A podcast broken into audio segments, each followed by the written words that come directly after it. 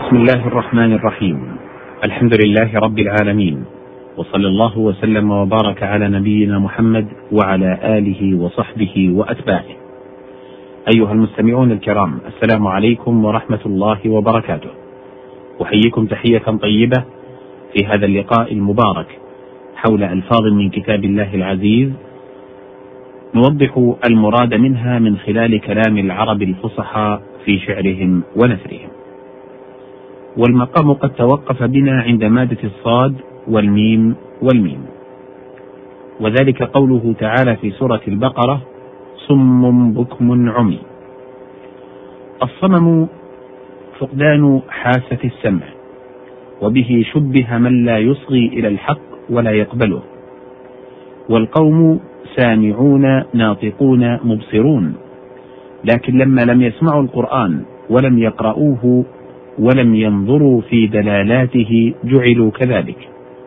وليتهم كانوا فاقدين لهذه الحواس خاصة إنما المصيبة في فقدان تلك البصائر. وأصل الصمم السد ومنه صممت القارورة إذا شددت رأسها. ويشبه من لا صوت له بالصمم فيقال صم فلان إذا لم ينطق. واشتمال الصماء أن يلتف المصلي بالرداء ونحوه حتى لا يبقى له موضع يخرج يده منه وقد نهي عنها.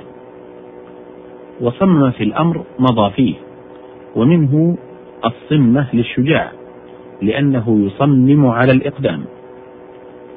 والصمان أرض غليظة الصاد والنون والعين. قوله تعالى في سورة النمل صنع الله أي صنعته وخلقه.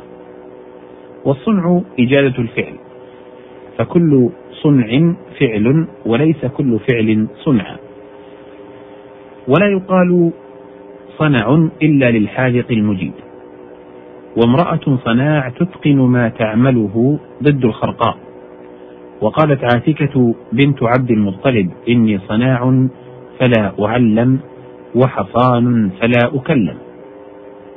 والصنيعة ما اصطنعته من خير. قوله واصطنعتك لنفسي قيل الاصطناع المبالغة في إصلاح الشيء. قوله وتتخذون مصانع قيل هي مجاري الماء وقيل الأصناع واحدها صنع وهي أحباس الماء. وقيل المصانع ما شيد من القصور وزخرف من الدور والكل مراد.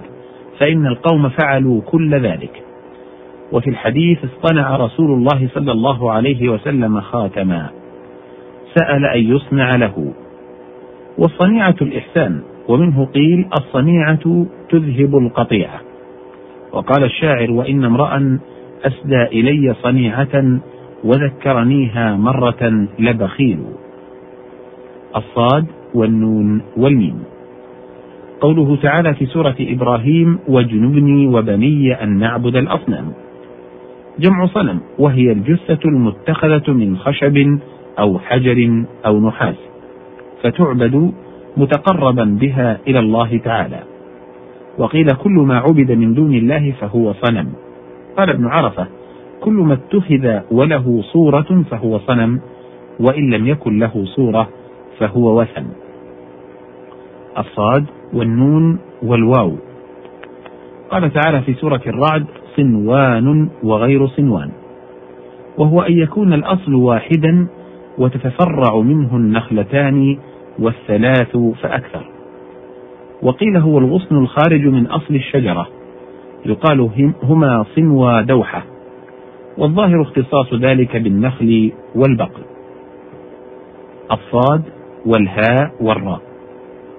قال تعالى في سورة الفرقان فجعله نسبا وصهرا أي قريبا من جهة النكاح. والأصهار أقارب الزوج أو الزوجة. يقال صهره وأصهره أي قربه. قوله تعالى يصهر به ما في بطونهم أي يذاب. والصهر إذابة الشيء والصهارة ما ذاب منه. الصاد والواو والباء. قال تعالى في سورة النبأ لا يتكلمون إلا من أذن له الرحمن وقال صوابا. أي سدادا من القول والصواب ضد الخطأ. قوله تعالى أو كصيب من السماء. الصيب المطر النازل بشدة من مكان من صاب يصوب إذا نزل. قال عبدة بن الطبيب ولست لإنسي ولكن لملأك تنزل من جو السماء يصوب. وقال آخر فسقى ديارك غير مفسدها صوب الربيع وديمة تهمي الصاد والواو والتاء. قال تعالى في سورة طه وخشعت الأصوات للرحمن. الصوت ما يسمع من المصوت ويؤنث. قال رويشد بن كثير الطائي يا أيها الراكب المزجي مطيته سائل بني أسد ما هذه الصوت؟ ورجل صيت شديد الصوت وأصله صيوت كميت. الصاد والواو والراء. قال تعالى في سورة الأنعام يوم ينفخ في الصور. قيل الصور هو مثل قرن ينفخ فيه. فيجعل الله ذلك سببا لعود الصور والأرواح إلى أجسامها. الصاد والواو والعين. قال تعالى في سورة يوسف نفقد صواع الملك.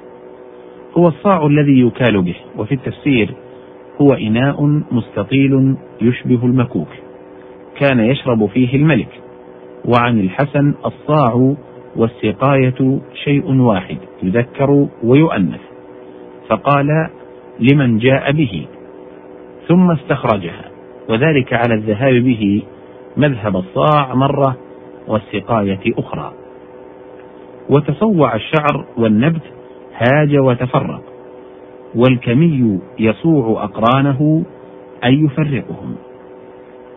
الصاد والواو والفاء.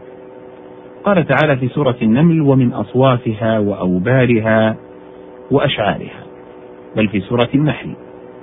الأصواف جمع صوف واحدته صوفة وهو معروف. قيل عدد عليهم نعمه بما جعل لهم من الأنعام غير ما يأكلونه ويشربونه وينتفعون به في سيرهم وحمل أثقالهم ما يكون لهم لباسا يقيهم الحر والبرد وهو من الأنواع الثلاثة الضأن والمعز والإبل.